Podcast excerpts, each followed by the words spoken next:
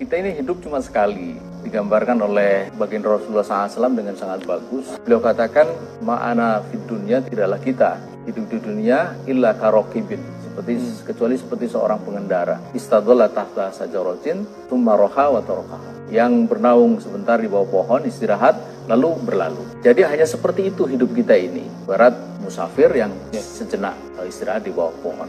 Sesungguhnya satu hari di sisi Tuhanmu di akhirat nanti itu seperti seribu hari dalam hitunganmu. Jadi kalau kita hidup 100 tahun, sepersepuluh dari seribu, itu tak ubahnya hanya 2,4 jam di sisi Allah SWT.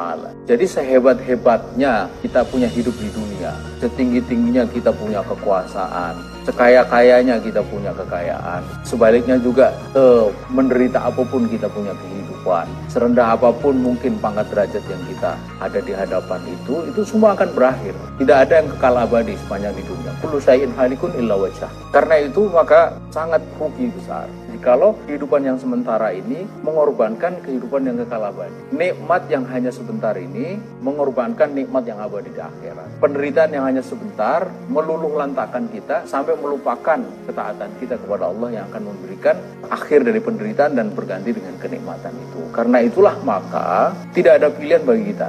Hidup memang pilihan, tapi sesungguhnya tidak ada pilihan kecuali kita ini taat kepada Allah Subhanahu wa taala.